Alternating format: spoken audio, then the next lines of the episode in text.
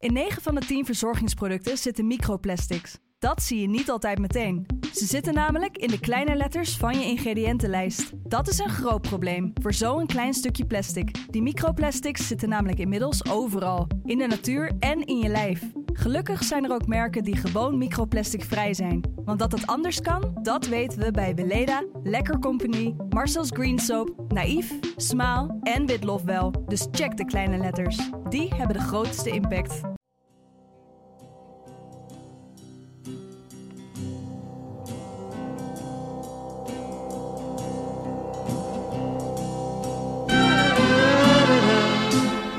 Voelt ook weer, ik voel me een beetje gespannen. Ik weet niet hoe het met jullie is, maar Ik weet niet wat het is. daar heb jij geen last van, hè? Dat eh, doen we niet. Ik, nou, ik kan het doen, man. Beetje onwennig nog. Ik ben blij dat het straks klaar is. Dan kan ik weer andere dingen gaan doen. Ik vind het zo zonde. Theo, ik voel het niet, man. Ik, eh, ik, ik, Daar hebben we niet op gerekend. Dus even wachten tot dat eh, voorbij is en dan. eh,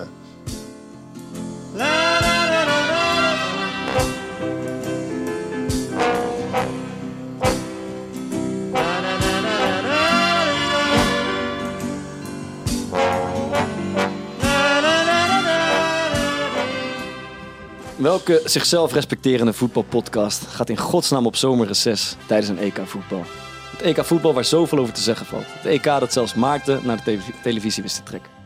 Maar goed, we zijn weer terug in een nieuw jasje met een nieuwe tune op een nieuwe locatie. In de hoop dat we in ons nieuwe podcastseizoen ook maar een klein beetje kunnen tippen aan wat we deze zomer allemaal gezien hebben. Een beetje teamgeest zoals Denemarken. Iets van de creativiteit van P3 en Pogba. Iets van de diepgang van Sterling en Chiesa. En weer af en toe gigantisch het plank- plankje misslaan, zoals Frank de Boer. Lieve luisteraars, welkom terug bij seizoen 3 van de Core Podcast. Vanuit eh, Club Haug. Nieuwe locatie. Ik heb het wel gemist hoor, eh, vriend, deze intro. Ik moest er toch weer even En inkomen. ik moet dan toch ook gelijk weer denken, heb je dat nou zelf verzonnen met de diepgang en creativiteit? Ik heb het EK zitten kijken. waar haalt hij het vandaan, hè? Ja, waar haalt hij het vandaan? Waar zitten we? We zitten bij eh, Comedy Club Haug, Rotterdam. We hebben zowaar een, eh, een studio. Beetje onwennig nog. Beetje onwennig, ja. Het voelt ook weer, ik voel me een beetje gespannen. Ik weet niet hoe het met jullie is, Ik maar voel het ook, gezonde wedstrijdspanning. we moeten weer. Thomas, hoe is- ik heb jou sowieso al, eh, al weken niet gezien. Eh, het blijkt toch wel dat, dat wij die podcast nodig hebben om... eh, Ik had wel het idee, Thomas kwam net binnen, jullie keken elkaar gelijk heel vies aan en een beetje grijns. Dus ik heb alweer het gevoel dat, ik- dat, dat ik Nee, de lul nee. ben. Maar nee, we beginnen vriendelijk. Maar eh, Ja. hoe is het, man? Ja, lekker. Nee, ja, het ligt eerder aan jou dan aan mij. Want jij gaat natuurlijk iedere dag die je vakantie hebt, ben jij, ben jij, ben jij, ben niet thuis. Ja, dat, dat is waar. Maar ik daar heb ook jij geen last van, hè? Eh, Daar heb ik absoluut geen last van. Ben je weg geweest eigenlijk deze vakantie? Nou, ik, eh, ik ben een week, weekje naar eh Burger Haamstede geweest. Burgerlijk aansteden. Burgerlijk Haamstede. Op trainingskamp met FC Burgerlijk. Lekker man, twee kinderen erbij, hondje. Nou ja, dat- ik moet eerlijk zeggen, eh, het is echt hartstikke leuk. Maar eh, vakantie zoals jullie dat kennen, dat zit er niet echt. Maar jij, daar hou je toch ook helemaal niet van? Ik heb, je, je hebt toch helemaal geen wens om eh, ergens in eh, Spanje op het strand te liggen? Jawel, jawel, dat vind ik wel lekker. Maar, maar kijk, als voetballer had je meestal maar, zeker die laatste eh, jaren bij, eh, bij Sparta toen, had je maar drie of vier weken vakantie. Ja. En, eh, en dan vind ik het wel kut om van die drie weken er twee weg te zijn. Want dan mis je ook weer twee weekenden waarin je alles kan doen wat je, wat je wilde, zeg maar. Dus dat, eh, ja, daar had ik altijd wel, dat was altijd wel strijd thuis. Ben je al op een festival eh, gespot in de twee Nee. weekenden dat het nog kon? Nee. Nee, ja, dat, dat leven is voorbij, eh, Bart. ik, ik, ik ben afgelopen weekend, ja, een goede vriend van me, die is, die is getrouwd afgelopen weekend in, in Barcelona. Mhm. Dus daar, ben ik, da- daar ben ik geweest zonder kinderen en dat was, het was heerlijk. Lekker geslapen. Uitgeslapen, zeker. Ja. Ben jij op het festival geweest, vriend, eigenlijk? Ja, ik, eh, ik was als de kippen bij. Toen de versoepeling even erin gevoerd, stond ik het... eh, Was jij bij dat duizend, eh, dat, dat duizend besmettingen festival? Weet dat vlu- vluchtwerk? Verknipt of zo? Nee, Verknipt, nee, nee, was ik niet bij. Ik, ik was wel naar het eh, Chin Chin Festival een week later, waar ook volgens mij zag ik vandaag in de krant 150 besmettingen zijn geweest. Eh, dus eh, ja, ik was eh, een van de schuldigen. Jij nog op vakantie geweest, maar? Ja, ik ben in eh, Italië geweest met jou. Leuk dat je het vraagt. Maar ik vind het wel leuk om even jou te delen. Maar je, het is best wel ongemakkelijk, want je gaat dan... eh, ik was bij een Noorse vriend bij Morten Torsby op bezoek. En uiteindelijk gingen we eh, met een hele groep Noren naar eh, Sardinië. En daar kwam Bart met zijn vriendin. Maar uiteindelijk ehm, gaan we dus nog een weekje met z'n drieën op pad. Nou, dat ligt al wat gevoelig na dat Mario Kart de bakel van vorig jaar. Maar je bent toch ook een klein beetje derde wiel aan de wagen. Maar Bart Vriends die houdt zo van zeg maar, dingen doen dan. Een beetje voetballen of even sporten. Dat eigenlijk hij ervoor zorgt dat zijn vriendin het derde wiel aan de wagen is. En we, en we hebben ruzie gemaakt. Oh, dat was zo goed. Op een gegeven moment. ehm, we, we hebben echt serieus wel veel getraind. We gingen eigenlijk iedere ochtend even bijvoorbeeld in de bergen daar rennen. Dat was, was hartstikke chill. Ehm, maar de eerste keer dat we in Sardinië gingen rennen, samen met z'n tweeën. Jij moest natuurlijk fit worden voor je nieuwe club. Ja, daar gaan we het zo over hebben. Club V.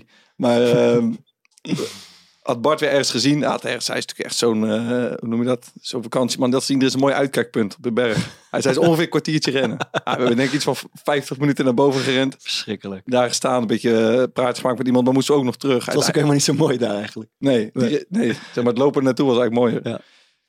Dus uiteindelijk goede twee uur weg. Dus wij komen al terug. En ja, Bart tig gemiste oproepen van Laura en gezeik. Dus eh, wij gingen gezamenlijk ontbijten. En zij zat, was al gaan zitten bij dat tentje. We hadden zoiets van, nou, is goed, ga je toch lekker alvast even zitten. Nou, als blikken konden doden.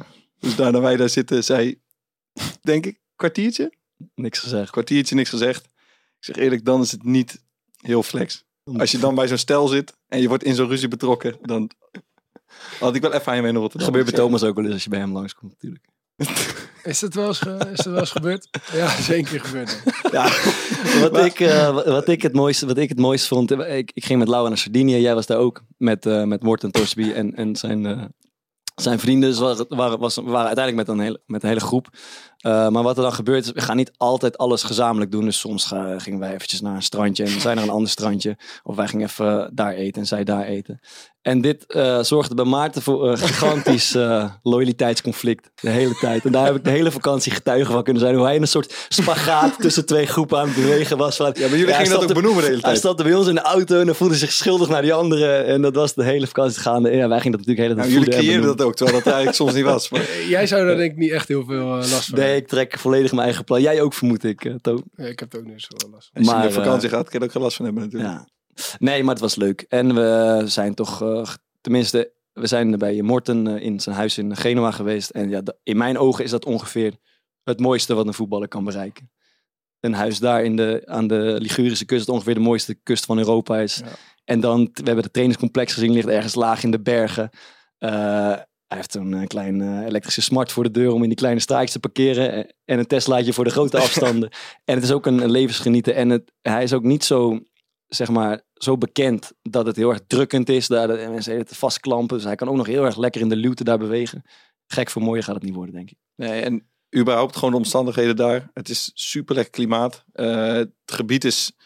Ja, ik kan me niet herinneren dat ik in Europa denk ik op veel mooiere plekken ben geweest dan daar. Dus ja, als je dan ergens mag voetballen, dan is dat denk ik wel eh, echt de droom. Ik ben blij dat jullie een leuke vakantie hebben. Goed, over... eh, Ik wil nog wel even één dingetje. Ja, ehm, ik had een bruggetje, maar sloop hem maar weer. Ja, sorry. ehm we slopen. Kijk, we waren natuurlijk voor dat derde seizoen alles aan het voorbereiden. En op een gegeven moment kwam er toch... We hebben zo'n groepsappje met z'n drieën waar je dingen be- eh, bespreekt. En er kwam wel een beetje een, een, eh, een kink in de kabel. En ik, Gooi hem er gewoon in. ik heb hier, ik heb hier, eh, heb jij... eh, Oh, oh, oh, ik, eh, wil je hem zelf voorlezen of moet ik hem even voorlezen voor je? Ik zit even te lezen waar het even dit is een, Ja, dit is gewoon een expose van wat ik jullie in vertrouwen privé stuur. Maar het is goed. 22 jongen. juni was het. Ja, maar jij hebt, te- jij hebt tegen Thierry Baudet gezegd dat alles openbaar moet kunnen worden. Mensen die hebben, jij hebt aanzien. Ja, ik, moet je het is over- goed. Ik sta er ook volledig achter, dus we gaan het eh, zien. Iets over de dynamiek. Seizoen 2 is wat meer gaan klinken alsof jullie bij mij zijn aangeschoven. Met mijn intropraatje, het aankondigen van de rubrieken en de lijn bewaken. Waarschijnlijk mijn eigen schuld. Maar voor mij mag het wel wat meer over en weer. En weer vloeien, zoals in het eerste seizoen. ja. Bijvoorbeeld door wat meer beurtelings rubriekjes en nieuwe onderwerpen in te leiden. En ook in het introtekstje kunnen we wisselen. Ik ben te veel gaan geloven in mijn eigen show. nee, nee, nee. Je kan niet quote en dingen bij verzinnen. Nee, nee. Dat is een zielige gasten weer met z'n Het zou kunnen dat het God, laatste zinnetje niet eh, exact is, maar wel zo de strekking van het verhaal. Ja, dat was inderdaad een Nou, goede zijn we los hoor. Ja, ik, kijk, ik sta er ook helemaal achter eigenlijk. Nee, maar Bart, wij, wij- nee, wij- ja, ik vind het wel mooi dat je, dat je reflecteert op jezelf. En Ja. Kijk, dat is zo wat je kan doen. Je kan, zeg maar, je kan iets aanstippen en de hand in eigen boezem steken. En waarschijnlijk is het mijn eigen schuld. Maar ik had het gevoel dat jullie een beetje zo achterover zaten te leunen. En dat, ik, dat Easy Toys gel- gel- gelul weer in, in de microfoon mocht eh, spitten. Nee, maar leuk. eerlijk, Maarten, wij, eh, hebben natuurlijk direct nadat dit berichtje werd verstuurd, eh, stuurde ik of jij al een persoonlijk berichtje. Ja, naar- ik wou jou wat sturen en ik zag al, Thomas is aan het typen. Nee, maar, wij, anders nee, maar wij, wij- vinden helemaal niet dat jij je eigen show ervan hebt gemaakt, toch? Nee, ik ook niet. Hij heeft, hij heeft toch ook niet in principe, hij is er ook nooit vergeten om ons te noemen. Nee, slimste mens. Eh, hij heeft toch ook nooit in een interview gezegd dat hij de presentator is? VOC Magazine, Met twee andere voetballers. Oude koeien. AD. Oude koeien uit de sloot. Ja. Oh, is Nee, maar wij vinden dat helemaal niet. Nee, we vinden dat helemaal niet, Nee, eh, we vinden dat helemaal niet erg. Nee, joh, ga lekker zo door. Je had Ja. een bruggetje, zei je. Doe jij even een Goeie nieuwe- foto, wel goede foto. Maar ik, ik hoop Ja, eh, dat jullie, goed, los van dat jullie zeg maar, met mijn tekst iets doen om de eerste podcast een beetje op te leuken, hoop ik dat jullie ook deze eh, inzichten ter harte nemen. En dat we zo meteen gaan zien dat, eh, dat het beurtelings, dat schrijf ik op, dat het over en weer vloeit. Ik ik En ben dat te veel gaan geloven in mijn eigen show. Ja, dat vond ik de beste. Goeie, goeie foto, die schaam ik me wel voor, dat moet ik eerlijk zeggen. Ehm, ja, is leuk. Eh, over eh, voetbal gesproken wilde ik zeggen. Eh, ga, jij nog, eh, ga jij nog aan de bak ergens? Leuke, leuke vraag. Nee, ik... ehm, Teringlijst. Nee, ja, het is wel goed om te, om te delen. Ik eh, was natuurlijk deze zomer eh, erg op zoek naar een club. Eh, ik heb ook echt heel hard getraind. Nou, je bent erbij geweest, ook in Italië. Eh, en ik was met wat clubs eh, eigenlijk in gesprek om daar eventueel volgend jaar aan de slag te gaan. En ik ben ehm, gaan meetrainen bij Helmond. Met eh insteek om elkaar goed te leren kennen. Maar wel om daar als, vervolgens als eerste keeper heen te gaan. Ehm, maar ik ben er een aantal dagen heb ik besloten om een punt achter mijn voetbalcarrière te zetten. ja, we kunnen doen alsof we dit nu voor het eerst horen. Nee, maar we, weten het natuurlijk al. Maar het is wel een, ik vond het wel een dapper eh, besluit. Jij kwam eh, het vorige week, heb je het ongeveer ons verteld. En je maakte een verlichte en eh, opgeluchte indruk toen je net had besloten. Ja, het is. ehm, je hebt natuurlijk een hele lijst mensen die je dan even moet bellen en moet in, het moet vertellen, omdat je, je weet dat gaat via via dan vaak vrij snel en die Ja. wil je het zelf vertellen. Ehm, en eigenlijk reageerde iedereen wel van op mijn ouders na. En ja, Lisa was eigenlijk wel een beetje geschokt. geschokt. Die reageren van. Ja, maar je had het ook allemaal niet. kwam- Ook Lisa kwam het eh, onverwacht. Ja, ik heb het natuurlijk weer helemaal op ei- eigen houtje, zeg maar, eh, alles beslist. Eh, dat had ik misschien wel iets anders kunnen doen achteraf. Ehm, maar mensen waren geschokt van hoe dan? En je was nog zo, je had zoveel zin in dat avontuur bij Helmond en mooie kans. Maar het is, eh, het is niet heel abrupt. Het is iets wat al, ja, waar ik een jaar of twee, misschien tweeënhalf mee loop, dat ik gewoon niet zo heel veel plezier meer heb eh, in het voetballen. En ik eh dicht het altijd toe aan mijn situatie bij Excelsior, dat ik weinig speelde. En eh, ja, sommige dingen in de communicatie, daar, dat ging niet helemaal zoals ik het eh, voor ogen had. En ik voelde me niet altijd even belangrijk daar voor de ploeg. En ik dacht dus dat dat gevoel van... Ik stond best vaak op het veld en dacht ik van ja, wat ben ik nou eigenlijk aan het doen man? Ik ben, ik ben blij dat het straks klaar is. Dan kan ik wel andere dingen gaan doen. Of Ja. als ik dan 's ochtends had ik eigenlijk gewoon niet zoveel zin om van huis weg te gaan. Dan had ik liever zoiets van, nou, ik zou eigenlijk vandaag misschien liever gaan studeren of ja, iets anders doen. Ehm, en ik dacht, nou, als ik ergens de kans krijg, of als ik ergens wel ga spelen, dan komt dat gevoel wat ik vroeger had, dat hele gemotiveerde en dat echt dat keihard willen gaan iedere dag en dat heel erg graag goed willen zijn en beter dan andere keepers en heel erg graag willen winnen. Dat, ja, dat komt dan wel weer terug. Ja. En ik, bij Helmond, alles was top geregeld. Hele leuke mensen. eh, het, het zag er gewoon goed uit. Ehm, en ik was daar. En eigenlijk al na een uur op dat veld, of minder zelfs, voel ik al zoiets van, de, het- er komt helemaal niks los. Er, ge- er gebeurt niks. Het is gewoon precies hetzelfde als bij Excelsior. En eigenlijk nog wel erger. Maar toen dacht ik nog, nou, ik heb een week of zes niet op het veld gestaan. Mhm. Ehm, dus weet je, zeg je even overheen en gewoon, eh, kom maar, motiveer jezelf, is een mooie kans. Maar ja, dan lig je s'avonds in dat hotel lig je al te piekeren van fuck man. En er- ergens in mijn achterhoofd wist ik op dat moment al van, volgens mij gaat dit, eh, volgens mij ga ik ermee stoppen. Maar ja, dan denk je toch, weet je wat, ga morgen nog een keer, eh, zet je het overheen, pep jezelf op en vertel dat kom je er wel in en noem maar op. Dus ja, nog een keer geprobeerd en dat gevoel wordt eigenlijk alleen maar erger. En ik sta gewoon letterlijk op het veld. Terwijl ik heb nog officieel nog eh niet eens een contract. Ehm, en het is de kans, soort van voor mij van mijn leven. Want ik heb eh, ja, in vijf jaar bijna niet gespeeld. En ik voel, ik, ik, ik denk gewoon van ja, wat doe ik hier? Wat ben ik in hemelsnaam aan het doen? Ga ik dit nu straks weer één of twee jaar doen? Ja, toen heb ik mezelf gewoon middags letterlijk in de spiegel aangekeken en gezegd van oké, je bent nou 26, je bent een grote jongen. Wat wil je doen? Toen dacht ik, ja, schrok je wel van. In die spiegel kijken. Ja. Je bent een grote jongen. Ik, ik keek ook onder in de spiegel. Zo. Ik, had, mijn- ik had mijn broek uit. Eh, en ehm, nee, toen heb ik gewoon besloten om, eh, ja, om er een punt achter te zetten. En het was echt een soort van die puzzel viel in elkaar toen ik daar was. Ja. Van, dus het gevoel. En dan weet je ook dat rare gevoel wat ik de laatste jaren heb. Dat lag dus niet aan Excelsior. Of misschien een beetje, maar dat lag ook gewoon aan mezelf en het plezier wat ik eh, uit voetbal haal. Dus toen ben ik naar huis gegaan. heb ik mijn ouders verteld. Lisa was nog aan het werk. Toen heb ik Lisa verteld. Ja, die was wel even geschokt. Lisa is een beetje conservatief. Gewoon even eh, Mhm. alles heel stapsgewijs. En dit is natuurlijk dan wel... eh, ik was drie dagen daarvoor weggegaan met het idee van... ik ga eerst keeper worden bij Helmond Sport. Dus dat was voor haar wel een beetje een shock. Ehm, ja, zodoende.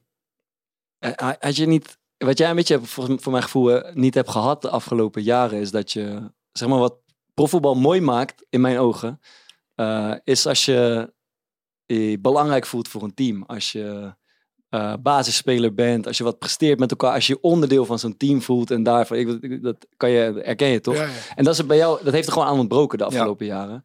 Eh, maar had je dan niet het gevoel dat je die ene kans die je nu, nu nog misschien zou krijgen, dat je nog één keer voor zoiets zou moeten gaan. Om, Ja. om dat gevoel te krijgen van, eh, weet je, gewoon weer presteren met elkaar, ergens onderdeel van een team zijn. En dat, volgens mij maakt dat gevoel niet zoveel uit of je nou bij Helmond zit of bij Nee, AZ zeker. zit. Dat, dat maakt volgens En mij dat was ook het idee wat ik zelf had toen Helmond gemelde. Van oké, top. Weet je, je bent ook zo geconditioneerd als, als voetballer. Mhm. Van je gaat gewoon altijd naar de club waar je de meeste kans op speeltijd hebt. Ja. Of waar je, eh, het perspectief zeg maar het beste is.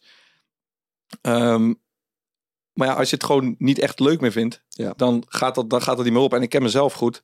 Ehm, ik, ik ben alleen, denk ik, een, eh, echt een goede keeper als ik gewoon 100% ervoor kan gaan. Ja. En, en heel veel zin heb ook echt erin. Mm. En ik voelde gewoon al dat ik die, die stap om gewoon me weer 100% op te laden, zo'n heel jaar lang, wat ik ook nodig heb dus om te presteren, dat dat er gewoon echt niet meer in zat. Ja. En Je, je- je hebt natuurlijk in, eh in, in aflevering over eh, zelfvertrouwen en, eh en faalangst heb je natuurlijk wat een en ander gezegd dat je daar eh, heeft dat nog eh, Mm, dat je misschien het idee had dat je dat je dit dan zou doen en dat het niet zou lukken en eh, ik, ik, ik denk het niet. Dat kan natuurlijk altijd onbewust meespelen. En dat zou je ook, dat zou prima iets kunnen zijn wat je voor jezelf ontkent. Misschien is dat zo is. Omdat Ja. het, eh, ja, dat is iets wa- waar je voor zou kunnen schamen. Maar als ik nu, ehm, ik, ik voelde ook dus geen prestatiedruk, zeg maar, toen ik daar was. Eh, en als ik nu, eh, dat is wel op zich wel leuk om, denk ik, om te vertellen. Eh inderdaad, die eerste dag, ik, ik besluit om ermee te stoppen. En ja, het is een heel, heel apart en best wel hectisch. En je moet mensen bellen en noem maar op. En ja, je beseft het niet echt. En de dagen daarna zinkt het, komt het een beetje binnen. En ik voel me aan de ene kant heel bevrijd. en heel relaxed. Want ineens allemaal dingen waar ik altijd van gedroomd heb. Die ik bijvoorbeeld zou kunnen doen. Zoals een reis maken of een tijdje. Dat is ineens, ja, dat kan echt. Maar ik krijg ook om, om de havenklap krijg ik bijna een soort paniekaanval. Niet een hele paniekaanval, maar gewoon zo'n heel bedrukt gevoel. Zo heel beklemmend, zo'n hartklopping en zo van... van je, er gebeurt iets wat niet hoort te gebeuren. Omdat je zo geconditioneerd bent, zeg maar, aan... Ik denk dat dat het is, dat je in die voetbalagenda zit. Van dat jouw club voor jou bepaalt wat je gaat doen. Ja. En gewoon dat je altijd een stip aan de horizon hebt waar je naartoe werkt. En dat valt weg. Ehm, dus op zo'n moment, als je zo'n... De eerste paar keer zo'n paniekaanval krijgt, dan denk je van... Kut, ik heb verkeerde keuze gemaakt. Mhm. En uiteindelijk ga je dan dus even relativeren, ga je nadenken. Ik, wat is hier nu precies aan de hand? Nou, dan ben ik tot de conclusie gekomen. Wat aan de hand is, is gewoon dat ik iets doe wat ik... Ik heb vanaf mijn tiende bij Feyenoord gelopen. Ik ben niet gewend om niet bij een club te zitten. En niet die overkoepelende agenda te hebben. Dus ik denk gewoon dat ik echt letterlijk aan het afkicken ben van eh, het, het voetballeven. Ehm, en als ik dan terugdenk aan... Om terug te komen op jouw vraag met een hele lange omweg. Van had ik, had ik het niet moeten doen en krijg ik spijt van straks. En doe ik dit niet alleen omdat ik bang ben om te falen. Ik, ik heb geen enkel geen enkele seconde het idee van, kut, ik had dit toch moeten doen. Of in mijn achterhoofd, ik weet dat ik dit doe omdat ik eigenlijk bang ben dat het, eh, dat, dat het mislukt als ik het wel ga doen. Dus dat geeft mij in dat opzicht wel Ja. veel rust. En ook als ik nu af en toe nog zo'n gevoel heb van, poeh, is dit, wel, is dit wel het juiste? Als ik dan terugdenk aan, als ik nu zou mogen kiezen en ik ga morgen weer naar Helmond verder op de voet waar ik was gebleven de dag dat ik stopte, helemaal geen zin in. Mhm. En dat zou hetzelfde gelden voor Excelsior. Of als bij Sparta nu bijvoorbeeld een derde keeper nodig zou hebben. Is er niks wat in mij nu wat zegt, oké, dat moet ik doen. Of dat zou ik nu snel terug willen. Dus dat is voor mij wel een bevestiging, denk ik, dat het eh, goed is. maar één plek waar je kan gaan werken nu dan. Ping! Nee, FC afkicken toch? nee, nee, maar ik, ik weet... afkicken, leuk. Ja. Ja. Nou ja. Dapper, eh, dapper, besluit. besluit. Ja, ik, ik kan er wel van, ik kan er wel van genieten. Eh, En eh, ik, ik had bijvoorbeeld met mijn broertje even erover in, in Barcelona. En toen vertelde ik het. En die, die zei van, "Oh, wat doet hij nou, joh? Ja. En, eh, Ik, ik, ik, ik kan al je redenen volgen, maar ik, kan het, ik zou het zelf ook niet eh, kunnen. Ik ben zelf ook niet op dat punt dat ik denk, ik, eh, ik stop ermee. Maar ik kan me ook, ik, ja, ik kan me van veel mensen ik kan het je aanraden. Je kan je aanraden om te stoppen. Nou, Ja, ik zeg je, wil, ik wil, Ah, ah, was jij ook gestopt als je, als je 32.000 euro per maand had verdiend? nee, dat is ook het ding. Doe er ook nog, ja, doe er bij nog wat Helmond- bij. Doe er nog wat bij. Bij Helmond, ik weet niet wat het is, maar dan ga je gewoon, dan verdien je modaal of iets eronder zelfs. Maar ik schreeuw eerlijk, als ik voor 25 bij Sparta kan gaan zitten, dan neem ik alles wat ik net gezegd heb in. Dan ben ik de vrolijkste keeper en de hardste werker die ze kunnen vinden. En Dat voor de helft doe ik het ook. Dat kan ik jou er weer aanraden. Lekker. Thomas, eh, Maar hey, we, we zijn in- trouwens nu twee in, in. Sardinië, niks betalen. niks betalen. Is een krent. ga door. Eh, lekker op dreef weer. Goed. ehm, amateur. We zijn dus twee, wat is het, twee profvoetballers kwijtgeraakt in, eh, in twee, drie maanden tijd. Ja. Podcastje. Kerkhoff. Dus Kerkhoff, ja. Willy. Ik moet op mijn tellen passen. Maar goed, eh, AFC. Eerste Ja, ik heb is- nu een weekje, weekje getraind. En uh, Dat AFC speelt dan NEC tegen- van de mat. Ja, dat zal Is Vaarder niet bij. dat is er niet bij. Dat zal hij er weer hebben. zal ik altijd hebben. Nee, en nu, eh, en eh er is een klein, eh klein coronagolfje, dus ik heb nu een week niet getraind. Dus even wachten tot dat eh, voorbij is en dan... eh, Maar het, is, eh, het bevalt goed, moet ik zeggen. Leuk, leuk team, een hoop unieke gasten. Echt een hoop unieke gasten. Zoals? Ja, je, je hebt Thijs. met Kenny Thijs samengespeeld. weten, ja. Nou ja, veel unieker dan Kenny Thijs. Nou, tenminste, hij heeft natuurlijk tweelingbroer, dus dat is niet helemaal uniek. Maar Die is nog, die is nog unieker, kan ik zeggen. ja, wereldgozer. En, en allemaal, de- de- de- er kwam wel, ik, ik, ik zat daar en toen kwam, daar heb je denk ik ook mee gevoetbald, Chavero. Ja, zeker. Ja, wereldgozer. Shafu. Ja, en, Ja. en die kwam binnen en zei, hey, er zit er nog eentje, die komt voor het geld. En dat is ook waar. Nee, maar dus, eh, de, eh, eh, ik moet zeggen, die, die gasten zijn al echt al lang bij elkaar ook. Ja, dus, ja. dat, dus, dus dat zegt wel, eh, zegt wel een hoop. En eh, tot nu toe zijn de trainingen leuk. En eh, denk ik wel dat ik, eh, dat ik veel plezier aan ga beleven. Ben benieuwd man naar de inkijkjes in... eh Ik ga lekker kijken. Ja, zaterdagmiddag. ik ga ook kijken hoor. Ja, wordt wel leuk. Ik ga ook het seizoenskaart nemen bij Sparta. Dit was, is die voor jou? Ja, met mijn ouders. Lekker kijken, weet je wel. Kan ik samen met Laura zitten. Lekker die bre breedte balletjes turven. ik, maak, ik, maak hem, ik maak hem zelf wel. Goed. Eh ja, start je ijs wat in. Zet jij eens wat in? Zullen we het EK even doornemen? Lijkt me leuk. Even dus vooraf, ik heb er echt van genoten, man. Dat klinkt een beetje zo standaard. Maar ik had lang, ik, had, Ik ook. ik nooit voetbal, maar het was gewoon echt heel leuk, man. Fucking veel leuke wedstrijden gezien. Doelpunten, alleen maar verlengingen, penalties. Ik vond het echt top. We hebben, als het goed is, Kijk, eh, volgende alle drie aan, een, eh, aan een EK-momentje gedacht. Ja. Zal ik- eh, ik hem aftrappen? Ja, dat lijkt me mooi. Ja, om verder te gaan, wat ik net zei. Ik heb dus echt letterlijk gewoon een aantal jaar bijna geen wedstrijd gekeken op eh, de wedstrijden van de keukenkampioen-divisie na. Mhm. Waar ik zelf op de bank zat, op de tribune.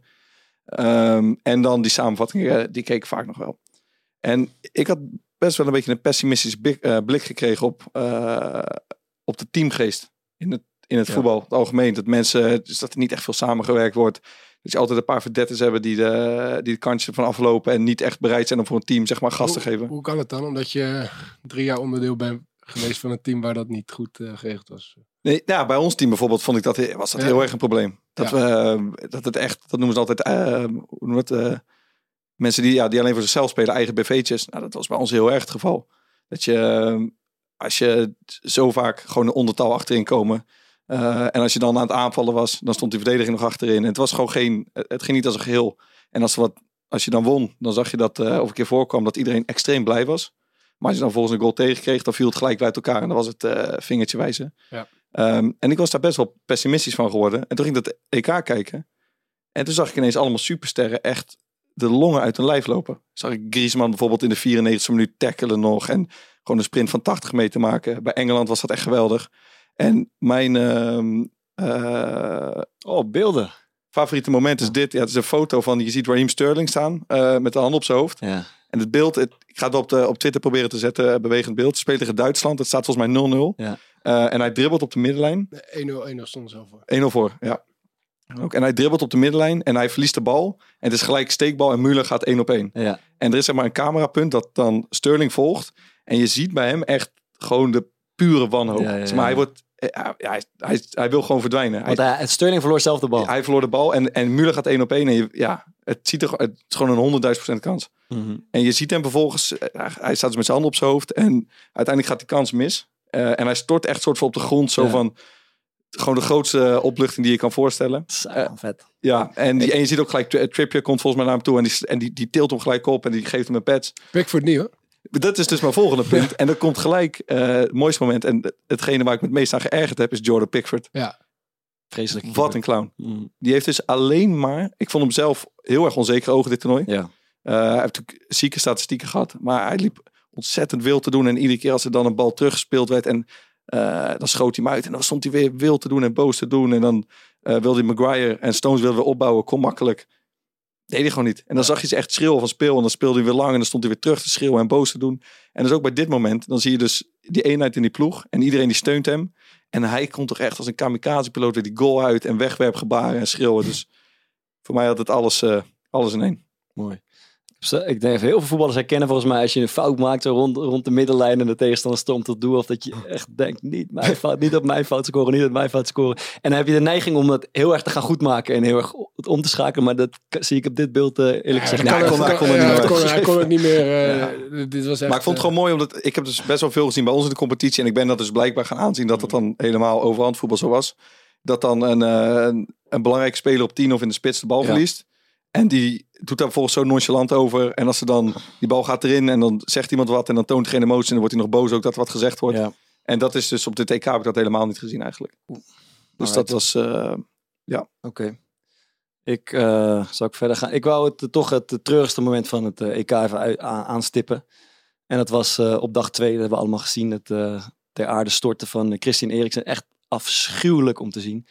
Ehm, ja, echt. eh, er is weinig dingen die kutter zijn om te zien dan iemand die eh, daar zonder enige reden ter aarde stort. Ehm, en eh, Denemarken heeft de rug gerecht. We gaven er natuurlijk geen stuiver meer voor, maar die hebben een prachtig toernooi uiteindelijk afgeleverd. Maar wa- waar het me om ging is, ehm, eh, ik zag dit, ik was op vakantie in, in Barcelona op dat moment. En twee uur later, nog. en twee uur later kwam het, kwam het bericht dat het, dat het goed zou gaan. Dat het weer oké ging met hem. Dat hij weer eh, wakker was en, kon praten en alles. En ik weet dat ik, ik stamelde tegen een vriend van me. Zo, ik ben totaal niet gelovig, maar zoiets als, eh godzijdank, eh hij heeft een engeltje op zijn schouder en zo. En toen dacht ik later, wat een onzin eigenlijk. Wa- Want wat hem heeft gered is het adequate ingrijpen van mensen die daaromheen stonden. En de medische wetenschap. Namelijk, er waren de aanvoerder Simon je hier, die eh, perfect handelt. Zijn teamgenoten die er netjes omheen gaan staan. En godzijdank was er een dokter of meerdere artsen in de buurt eh, die hem de hulp konden bieden die hij moest krijgen. En ik heb begrepen dat één klap van die defibrillator zijn hart letterlijk weer heeft doen kloppen. Eh, en ja, dat, dat vond ik hem eigenlijk. We hebben in het verleden natuurlijk gezien, een aantal keer, dat het gigantisch mis is gegaan.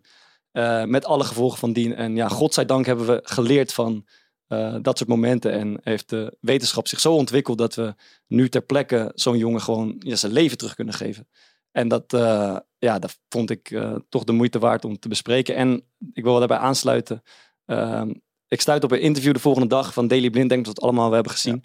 Ehm, en we waren allemaal misschien een beetje vergeten of hadden onderschat, mezelf inclusief, wat dit voor Daily Blind betekende. Want die ging de wedstrijd spelen en, en toen kwam na de wedstrijd, eigenlijk tijdens de wedstrijd, werd duidelijk dat dat enorme impact op die jongen heeft gehad. En wij doen altijd, eh, we doen altijd soms een beetje lachen over interviews en het is vaak lollig en een beetje onnozel of, of grappig. Maar dit interview vond ik, vond ik perfect en dat komt niet per se doordat hij emotioneel is, maar gewoon doordat hij goud eerlijk vertelt wat er met hem aan de hand is en hoe zwaar hij het vond om te moeten spelen. Maar ook, en dat laten we zo horen, eh, doet hij een, een aanbeveling. Dat is iets wat je niet vaak hoort van voetballers. Hij doet in dat interview ook nog een aanbeveling aan mensen. Eh, en laten we daarvan naar luisteren. Ik moet altijd even een bronvermelding geven. Hij is van de NOS in gesprek met eh, Jeroen Stekelenburg. Eh, Dan even terug naar gisteravond. En we hebben vooraf aan je gevraagd of het oké is om jou daar een paar vragen over te stellen. Dat ik je niet nu daarmee confronteer in dit interview. Want jij gaat naar, eh, je wordt gewisseld op een gegeven moment. Ja, dan spat de emotie van jou af. Wat, wat zit er dan allemaal in jou? Ehm, ja, gisteravond heeft ehm, heel veel impact op mij, mij gehad persoonlijk. Ehm, buiten dat, eh, dat ik Chris goed ken als vriend. ehm, eh, en ja, de situatie voor hem natuurlijk verschrikkelijk is. Heb ik zelf het een en ander ook in die hoek meegemaakt. En ehm, ja, ik heb vandaag echt wel voor mezelf een, eh, een mentale hoorde moeten overwinnen om te gaan spelen.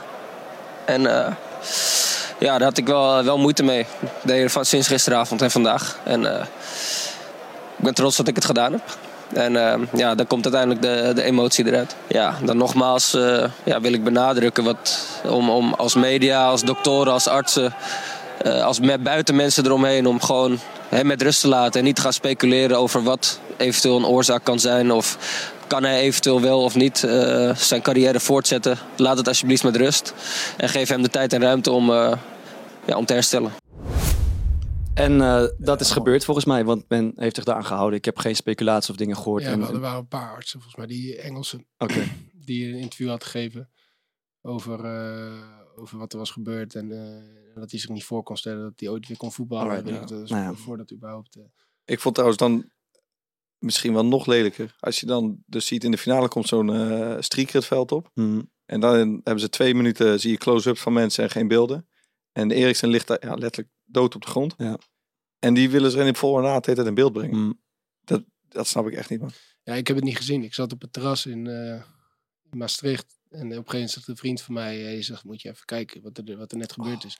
Dus ik open eh, die app van AD en het eerste wat ik zag was die, was die foto met die gezichten van die eh, medespelers van hem, zeg maar, Ja. die om hem heen stonden. Ah, ik werd gewoon misselijk. Ik, had er, ik ging uit eten met Lisa ook. maar Je voelt, je wordt letterlijk misselijk Ja. inderdaad, man. Dat is echt... eh, Ja. Ik, ik begreep dat die regisseur van die wedstrijd eh, daarna geen wedstrijd meer heeft gekregen. dat hij dat snap gestraft ik. is voor dat, eh, voor dat moment. Ja, ik vond, dat vond ik echt schijnend. Ja, Dus- ik, eh, ik vond het wel lastig, want ik heb, ik heb een hoop wedstrijden gezien.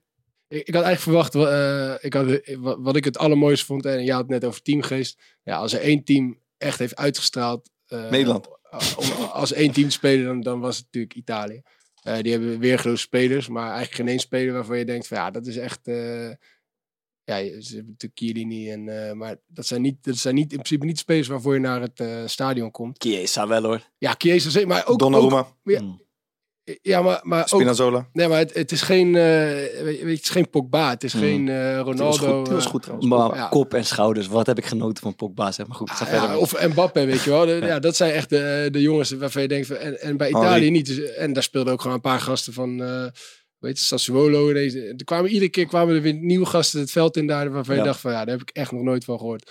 Maar als je zag hoe die gasten met elkaar samen eh, waren... en dan heb je natuurlijk altijd Chiellini, Bonucci Ja. en, eh, en Donnarumma... wat die doen als ze, als ze een bal blokken, weet je wel. Dat, Ach, Dat is. Ja. hoe, hoe, hoe ze dat vieren met elkaar, dat vind ik echt, echt gruwelijk. Maar eh dat wilde ik niet kiezen. Ah, Dit is een foto. ja. Vertel, dit is het je? podcastpubliek moet even weten waar we naar Eh, kijken. dit, dit, dit, dit is, dit is Bonucci. Die heeft net eh, eh, het EK gewonnen. It's coming to Rome. Ja, die heeft eigenlijk eh, iedereen lopen uitdagen. Vooral die Engelsen en weet ik het wat. En die zit hier gewoon heel rustig te genieten van een colaatje. En van een, eh, Een biertje, een biertje, ja. En eh, je had natuurlijk eerder in het, eh, in- het toernooi had je, had je Ronaldo die de cola wegzette. Had je eh, Pogba die het bier wegzette. Allemaal, allemaal geweldige statements. Maar ik vind het zo flauw, jongens. Mm. Ik vind het zo ongelooflijk flauw, want ze vullen wel hun zakken natuurlijk. Ja. Mede door het geld van cola Ja. en, en Heineken. En als je er echt iets tegen wil doen, dan moet je het vanuit eigen beweging doen. En niet wanneer het je, wanneer het je uitkomt. Leuk. Tijd voor een nieuw rubriekje misschien? Lekker man, pak hem even op. We- weet je Ja, wel dat zie jij toch... eh, ik, zie- ik zie ook deze kijken. Daarom heb ik dat bericht gestuurd. van gaan ze me helpen? Ja, maar ik zie jullie denken van, ja, Fokker gestopt met voetbal. Wat gaat hij, eh, wat gaat hij nu doen? Ja. Eh, en hij was natuurlijk co-host of hulpje van eh grote presentator. Jij, jij hebt gevraagd, maar ik, doe denk nu dat eigenlijk nu onder kunnen dompelen als eh, manager. Ja, ja zeker. In, waar hij in eerste instantie voor aangenomen was. Ja, ja, ja, precies. Hij wordt gewoon de manager van de, van de core podcast. Is goed. Ik heb van de week zat ik, eh, za- zat ik, te stu- zat ik te studeren in de stad. En eh, toen heb ik nog een kwartiertje wat aan die podcast gedaan. Toen heb ik alles afgerekend met die zakelijke pas. en aan jullie gestuurd dat ik eh, heel de middag aan de podcast had gezeten. Ja, Ja, is toch goed. ik doe, ja, ik was, eh, Bart was net even bij mij. En toen kwam we ook tot de conclusie dat ik nu eindelijk doe wat ik eigenlijk in het begin zou gaan doen. Gewoon een beetje op de achtergrond, alles voorbereiden, dat jullie niks hoeven te doen. Dus ik ben eigenlijk gewoon in mijn, in mijn natuurlijke rol. Nieuw rubriekje, Bart. Zelf bedacht, zeg maar. Nee, we hebben natuurlijk vorige die politieke serie gedaan. En daar hadden we eh, de kleedkamerpeilingen. Nou, dat viel best, eh, best aardig. Maurice de Hond was niet heel tevreden over hoe we dat nou precies hadden opgezet. Maurice Dago. Dago. Had ik toch moeten zeggen hè, bij de vijf uur show. En daar, daar baal ik dan wel van. Ja, Kijk, van Helmond maakt niet zo uit. Ja. Maar dat doet pijn. Eh, dus we hebben bedacht voor dit jaar dat we dat vaker gaan laten terugkomen. En eh, dat noemen we de Easy Toys kleedkamervibraties. En we hadden deze week... eh, Zit dat jingletje er ook nog in?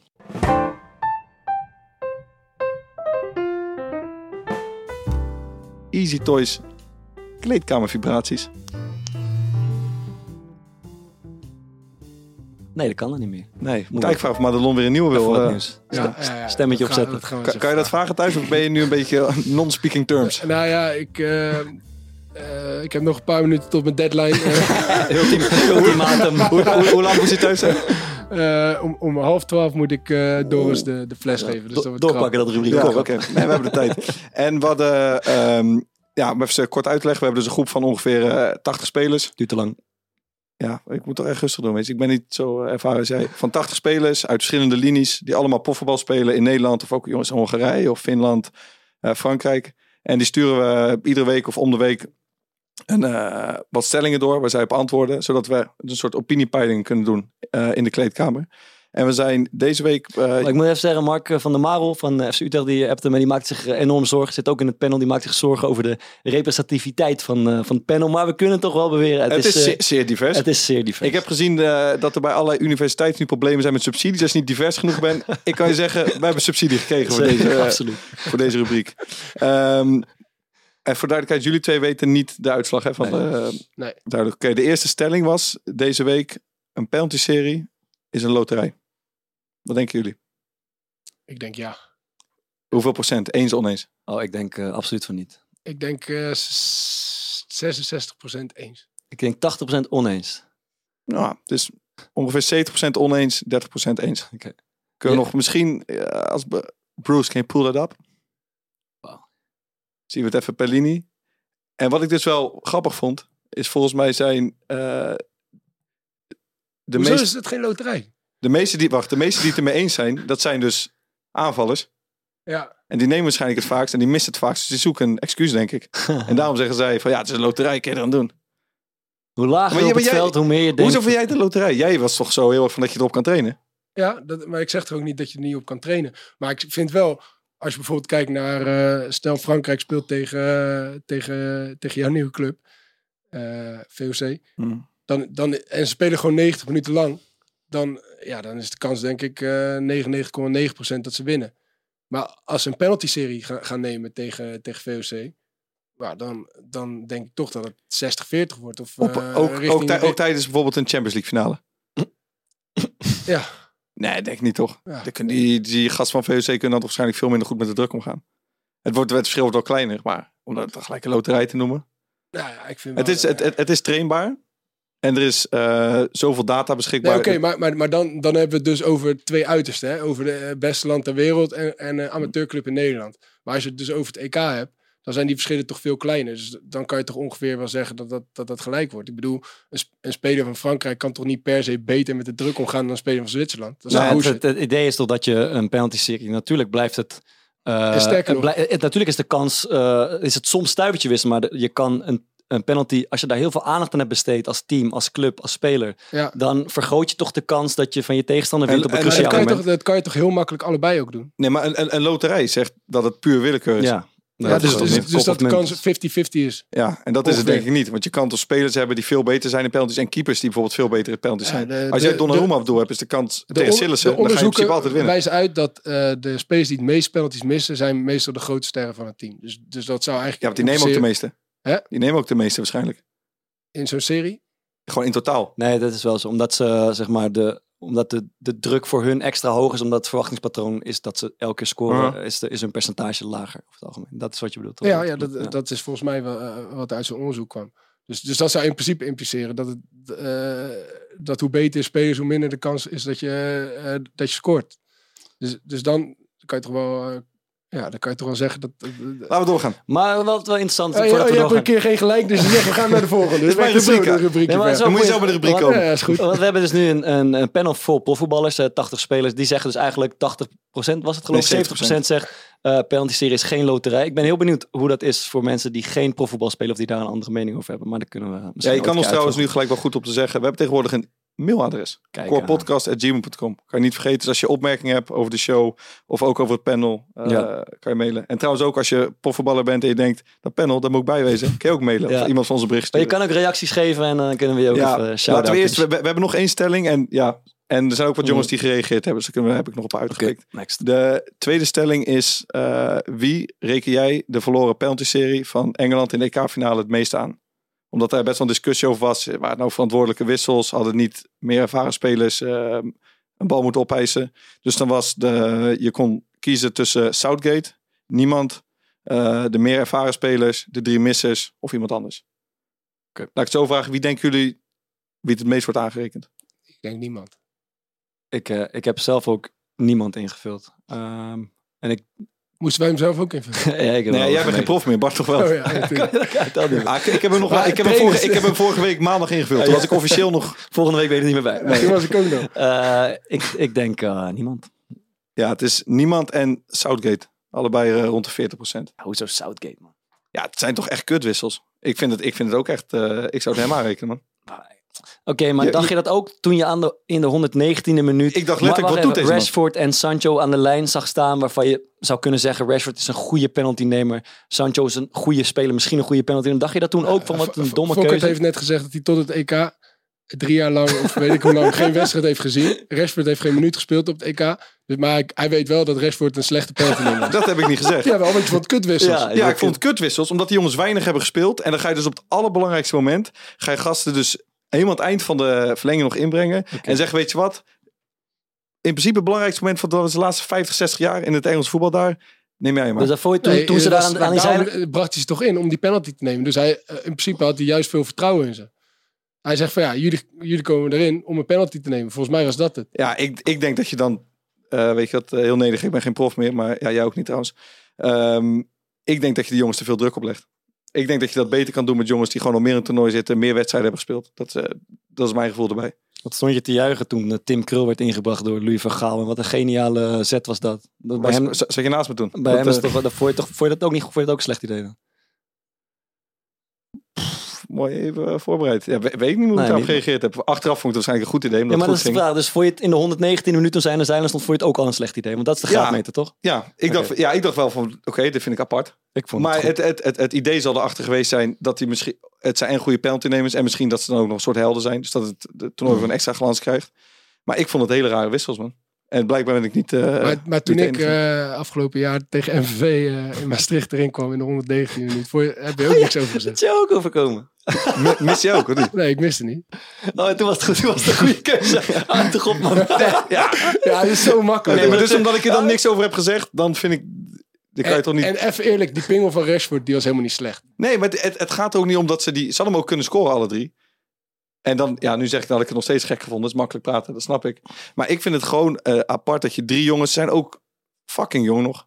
Dat je die in de 119 minuten inbrengt om een penalty te nemen. Dat is toch niet... Is, ik snap dat je het niet mee eens bent, maar het is toch geen hele gekke gedachte. Maar ja, ik vind, ik vind juist goede gedachte dat je jongens die, waarvan je vindt dat die goed de penalty Ja, kunnen nemen, dat je zorgt dat die op het veld staan. En er werd ook een soort een aantal van die oudere spelers werd het aangerekend dat zij die bal niet oppakten voor die jongere spelers. Maar ik, als het al is gebeurd, vind je het ook niet van eh, eh, eerlijkheid en klasse eh, getuigen dat je als je John Stones bent bijvoorbeeld en zegt, joh, ik voel het niet man, ik, eh, ik, ik durf hem niet te nemen of ik zit er niet in. Eh, je kan hem beter aan Ja, dat- iemand dat- anders dat- geven. is, was, was dat heeft niet natuurlijk zoveel met helemaal- leeftijd het te was, maken. het was natuurlijk helemaal raar geweest als je ze in de 119 minuten En dat ze drie namen. en dat ze vervolgens eh achtste en negende ja, op maar de- die Bakka, of weet die gozer die Ja, het laatste dat, nam. ja, dat, die, stond al op het veld. Ja, Gaf, die- ja. Maar wat vond eh voetballend Nederland? Dus even kijken. Weet je, met Southgate en niemand allebei rond de 40%. De meer ervaren spelers 13%. De drie missers 10% ongeveer. Ehm, en de techniek laten ze alweer in de steek. Ja, maar dat maakt niet uit. Eh, en er is dus ook de optie voor de jongens die Ah, ja. onderdeel zijn van het panel om een opmerking achter te laten. Mhm. En ik vond de beste reactie, vond ik, eh, achteraf is het mooi wonen. ik had het idee dat hij misschien van Robert Muren kwam. Dat weet ik, Die komt van mij, eh, maar weet ik niet. Ja, ja, komt hij van jou? Ben je serieus? Ja, nou, Op een punt, bedankt dat je... nou, dat, dat, Ja, dat, is, ja, dat is toch leuk, weet je. Ja, was gewoon- wel dat mijn even betoog van net. Ja, dat is vind ik het- exact wat ik vind. dan vind ik het eigenlijk niet zo'n hele leuke eh, ding meer. Ja, iemand zegt onbegrijpelijk dat je spelers op zo'n belangrijk moment zo kort in laat vallen. En dat je dan verwacht dat ze wel even de pingel maken. Puntje, puntje, puntje. Dat was jij. Nee, nee ik heb, eh, ik heb niet, eh, verder niet op gereageerd. En dat zou ik nu ook niet meer durven zeggen als ik het wel had gedaan. Ehm, eentje met een naam hier. Als coach moet je weten dat iemand met ervaring wellicht beter tegen de druk bestand is. Zie het net als rode wijn. Uiteindelijk en achteraf een best gekke keuze om drie jonkies dan de laatste panels te laten nemen. Al dus hoogleraar van Arnold. Dus ehm, Leuk. Eh, aan. doe even, je zit er lekker in man. Eh, Dat, eh, Easy Toys? Moeten we ook even doen hè. één keertje doen dan? Ja. Ja. En daarna jij weer maar even. ehm, Gaat goed man. Onvoorstelbaar, voorspelbaar, stomende meningen en trillende peilingen. De kleedkamer mist niks aan sensatie. Bezoek www.easytoys.com en gebruik de kortingscode CORPOT15, hij is veranderd, om de kleedkamervibraties ook in jouw slaapkamer tot leven te brengen. Ja. En daarover gesproken, Vaar, Ja, ik heb dus gehoord uit betrouwbare bron, gewoon van jouzelf, dat jij de Satisfy Pro eruit gebeft hebt. Hoe zit dat? Want ik zeg heel eerlijk, eh, Lisa gelooft er niks van. Wij- wij- ik, ik heb hem drie weken geleden voor het laatst gezien. En dat was het eerste wat die ongeveer zei toen, we, toen hij aankwam rijden op zijn scootertje. Hoe jongens, zit dat? Jullie, jullie, eh, je verzint net een, eh, eh, een zinnetje bij Bartse dingen en nu worden er ook al... Nee, ja. Nee, dit is, niet, dit is, dit is echt gezegd. Ja, klopt. klopt. nee, ja, ja. Ik, ik kan de dingen niet mooier maken dan dat ze zijn. Ja. Hoe, hoe, zit, hoe zit dat dan precies? Wat, Nou ja, we, eh, Lisa en Laura die hadden dat, eh, dat ding cadeau gedaan aan, eh, aan Madelon. Dus ja, dat hebben we geprobeerd. En, eh, en toen dacht ik, ik ga de proef toch eens even op de som nemen. En eh, het stopwatchje erbij gepakt. ben ik wel benieuwd naar de rondetijden. 32-0, hoe moet, ik dat, hoe moet ik dat voor me zien? Nee, nee. Ja, ja, dat is ook een beetje grootspraak, maar het, eh, het klopt wel. Ja. Geloof jij het? Nou, dat kwam wel heel overtuigend aan. Ja. Ja. Ik, ik En hij is ook al-. Nee, maar En hij ook, dingen, ja, en hij verzin je. zegt- zulke dingen verzin je niet. En hij zegt ook, ja, maar daarom verzin jij het misschien juist wel. Maar, maar ik moet zeggen, jij loopt ook al jaren, zeg maar, gewoon wel, Hij loopt ermee te koop. je loopt ermee te koop. Ja. Dat, eh jij nog rubriek Laten we doorgaan. ik, ik denk niet dat we Malon nog zover gaan krijgen om, eh, Om iets in te Om iets spreken. in te spreken. Maar dus, Corpot 15, kortingscode. Is beter dan voetbal 15, hè? Corpot 15.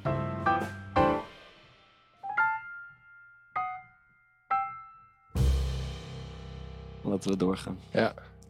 Wat we, er komt een rubriekje aan. Eigenlijk volgende week. Ja. Ehm, maar de desbetreffende persoon, ik ga, ja, het is wel leuk om te zeggen, het gaat over René van Dieren. Ehm, is het al rond? het is zo goed als rond, maar het is, eh, we hadden dus een idee van een rubriek met René. Ik kan er niet te veel over zeggen, maar Bart en ik zaten laatst de auto, dus we bellen hem op en hij eh, nam op gasten. Wij een beetje dat idee aan de pitch en je hoorde alleen maar op de achtergrond deed zo. ja, dat is wel mooi. dat is wel mooi. En er hoeft eigenlijk helemaal niks geregeld te worden. Maar hij zei, weet je wat, kom toch van de week even langs. Op het terras zitten, kunnen we nog even allemaal regelen. Dus hij wil nog even op het terras zitten. Maar er komt dus een eh, terugkerende, een terugkerend item aan met René van Dieren. Waar het een en ander gereld gaat worden. Ik ben heel benieuwd. Wordt vervolgd. Wordt vervolgd. Tippies van de week gaan we ook gewoon vrolijk mee door. Begin jij, neem jij eens wat initiatief joh. Dat is goed, dat wil ik doen. Ehm, het is volgens mij deze week eh 25 jaar geleden dat eh, de val van Srebrenica is, eh, is geweest. Eh, als ik me niet vergis, heb jij dat Thomas een keer getipt, denk ik. Ja, die, De- eh die docu die docu-serie met Koen Verbraak is ook schitterend. Dat, Zeker daar, goed, man. Daar zou ik mee beginnen. Eh, dan ben ik afgelopen week naar de bioscoop geweest. Eh de, dit is een Bosnische film die heet, moet ik even kijken, Quo Vadis Aida. Ehm, Hebben we hem gezien waar? Nee, ik heb hem nog niet geen tijd. Maar Primeurs. ik, wil hem graag zien. Hij was ook op IFVR. Dus, Oscar-nominatie gekregen. ehm, en het, het is een Bosnische film met Nederlandse acteurs er ook in. Dus het is een gezamenlijke productie. Ja, ja, Luther, zit er zeker in. Ja. Ehm, en het gaat over, eh, over de val van Srebrenica, wat echt afschuwelijk was. Eh, we hebben er misschien niet heel zoveel me- van meegekregen op, op school of, of in het nieuws. Maar eh, inmiddels krijg je dat bijvoorbeeld via deze film wel mee. Daar is gewoon een moslim-enclave van 8000 mannen ongeveer. Voor de ogen van een Nederlandse VN. Afgevoerd. Afgevoerd en, en Uiteindelijk, doodgeschoten. uiteindelijk doodgeschoten. Ja. Eh, en dat wordt de Nederlanders soms verweten. Eh, maar eh, uit zowel die documentaire als die film blijkt dat dat een stuk genuanceerder ligt. Omdat zij het ja, eigenlijk met de handen in het haar stonden. Eh, maar het is, ja, het is echt afschuwelijk wat daar is gebeurd. Nog maar 25 jaar geleden. Eh, en die film die gaat daarover en is, is de moeite waard als je je daar eh, in wil verdiepen. Het is gewoon een, eh, een goed verhaal, dus ik, ik, zou er, ik zou er toch even een kijkje gaan nemen. Ik heb op jullie aanraden ook die, eh, die driedelige docu-serie gekeken erover. Ja. Maar Echt, echt lijp man. Ja. Er zit dus een gozer van de VVD, die volgens mij nu nog in de Kamer zit, Ja. Anne Mulder bij. Ja. En je hebt wel eens dat je gewoon een documentaire ziet waar echt de emotie zeg maar bij iemand Ja. van afspat. En bij hem het is niet, ja, die wordt nog, eh, hij wordt niet alleen emotioneel, maar echt woedend. Gewoon, dat vond ik, ik vond het echt heel sick. ja, dat is echt indrukwekkend, man. Ja, en goed. eh, En het gaat over die, de, hoe noem je dat? De overste daar is eh meneer Karremans. Karremans. Eh, die moet leiding geven aan die Wat ben je toch organisatie. verneukt geworden. Het is echt zo pijnlijk. En die staat tegenover... Is dit voor mijn wife? Het is echt verschrikkelijk. Oh, maar die staat tegenover meneer Mladic, wat een enorme, imposante Servische figuur is. Eh, en eh, ja, die strijd is, is zo, voelt zo oneerlijk en pijnlijk. En hij, hij, hij, ja, hij, was ook toch, ik bedoel, eh, de, eh, die, die Mladic was gewoon een strateeg. Die wist Een precies wat hij aan het doen was. En die had vanaf het begin af aan daar de touwtjes in de handen. Ja. En kon zelf bepalen wanneer... eh, Ja, en deze Karremans, er wordt veel zeg maar, in zijn Ja. schoenen geschoven, maar hij, hij was ook weerloos. Hij kon niet anders. Hij, kon, hij, hij komt gewoon heel, heel ongelukkig. Komt hij komt heel ongelukkig uit, ja zeker. Maar goed, eh, ga dat zien. Ja, ik heb eh, iets moois gezien op YouTube van ehm, Maarten Keulemans. Is een ehm, wetenschapsredacteur van, de, van de Volkskrant. En die heeft zich sinds het begin van de coronacrisis vastgebeten zeg maar, in, ja, in de coronacrisis. Dus die leest alle, al die onderzoeken van de WHO die uitkomen. En als je dan ziet de IFR is 0, zoveel of het sterftecijfer is dit en dit wordt beweerd en die zegt dat. Hij weet zeg maar waar die cijfers vandaan komen. Eh, dus zoals wij, of ik ook met Baudet zeg maar in, gespre- een beetje in, in discussie ging. En dan kwam hij met die eh, IFR-dingen. En dan dachten wij van ja, fuck, dat klopt niet. Maar ik weet niet waarom het niet klopt. Ja. Eh, hij weet dus dan waar al die cijfers vandaan komen. En hij was eh, uitgenodigd door Café Weltsmerch. Ons wel eens eh, aangeraden door niemand minder dan Ryan Sanusi. Mhm. Om daar met Ab Gietelink. En ehm, dat is een theatermaker en sinds 2020 ook onderzoeksjournalist geworden. En die is heel kritisch op het coronabeleid. En corona is maar een griepje. En aan de hand van een stuk of zes, zeven stellingen of zo, met een neutrale debatleider, zijn zij bij onder de vlag van Weltsmerch eh, met elkaar in debat gegaan. Ah, die Keulemans maakt die Gietelink zo belachelijk koud. Het is echt niet, het is gewoon niet te doen. Ik vroeg aan iemand, eh, hoe was het debat in de regio? Ja, het was, het was als een vechtpartij tussen Badr Hari en een pluche konijntje. Ja, het is echt, het is echt niet te doen. Hij, die, die, die Gieteling gaat dan op een gegeven moment, die krijgt een stelling van corona is maar een griepje. Nou, die Gieteling, eh, duh, ja, het is maar een griepje. En als je naar de IFR kijkt en hij noemt dan dat, eh, dat getal. En dan zegt hij, Keunemans, maar heb je dat onderzoek nou gelezen? Wat je aanhaalt. Ja, nee, ik ga niet heel die onder, dit, dat. Zo, hup, onder tafel.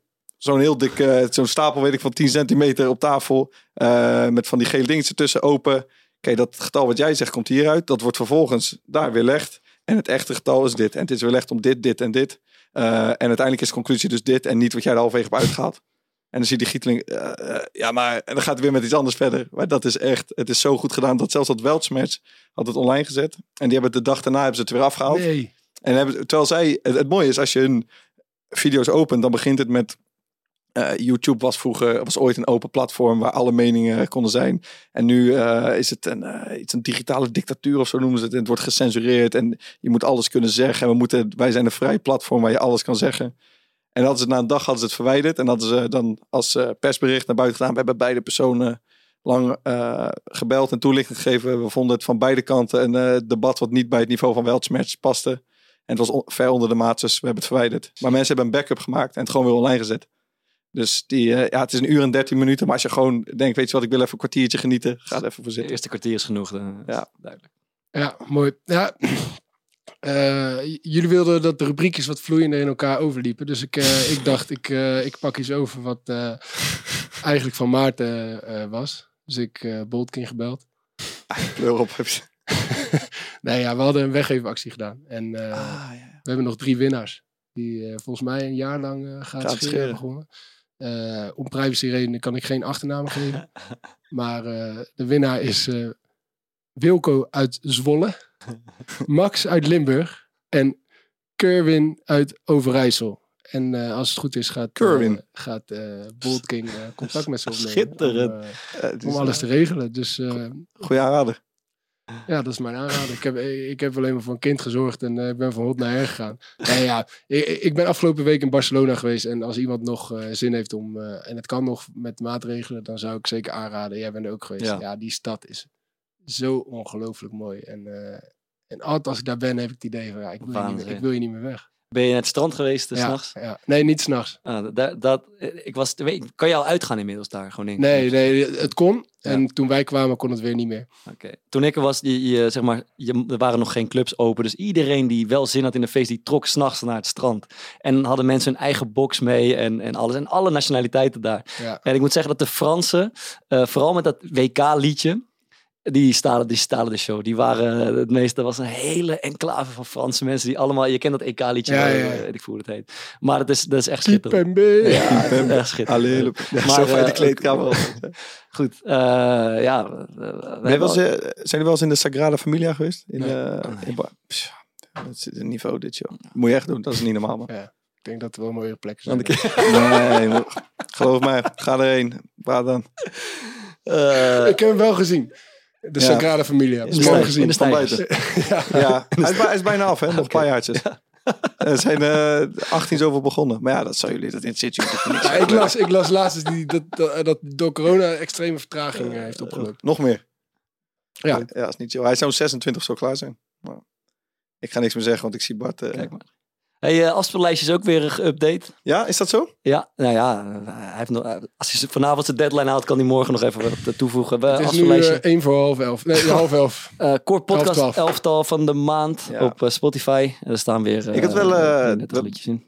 Wel even een vraagje over die afspeellijst eigenlijk. Mhm. Want jij hebt een nummer erin gezet. Wat, eh, Laat ik zo zien. Je hebt, er staan twee nummers in met, eh, die over eh, moeders gaan. Ja, Ehm, ja, dat toch. Ik vind dat altijd een beetje lastig, zeg maar, bij jou. ja, Eh, omdat ja, je moeder is overleden een aantal jaar geleden. Ja. En het nummer Hey Mama van Kanye West is Ja. een van mijn favoriete nummers. Ja. Maar ik heb die dus nooit ingezet. Omdat ik dacht, Ah, bescherming. Ah. ja, ja, bescherming. dat ik, ja, ik weet niet. Ik vind dat dan toch misschien een beetje iets, iets oh, te... ja, dat liedje, eh, dat, dat, ja, ik wil zeggen dat mijn moeder doet denken, maar het heeft wel, dat geeft wel lading uiteraard. Ja. Ehm, en dat vind ik eigenlijk alleen maar mooi. Ik word, liever, ik word daar liever wel mee geconfronteerd dan niet. Dus eh, dat geeft liedjes alleen maar meer ja, lading.